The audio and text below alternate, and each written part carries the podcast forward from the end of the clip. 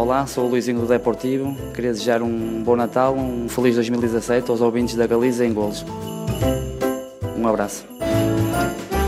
Olá, sou o Johnny Castro. Queria desejar bom Natal aos ouvintes de Galiza em Goles.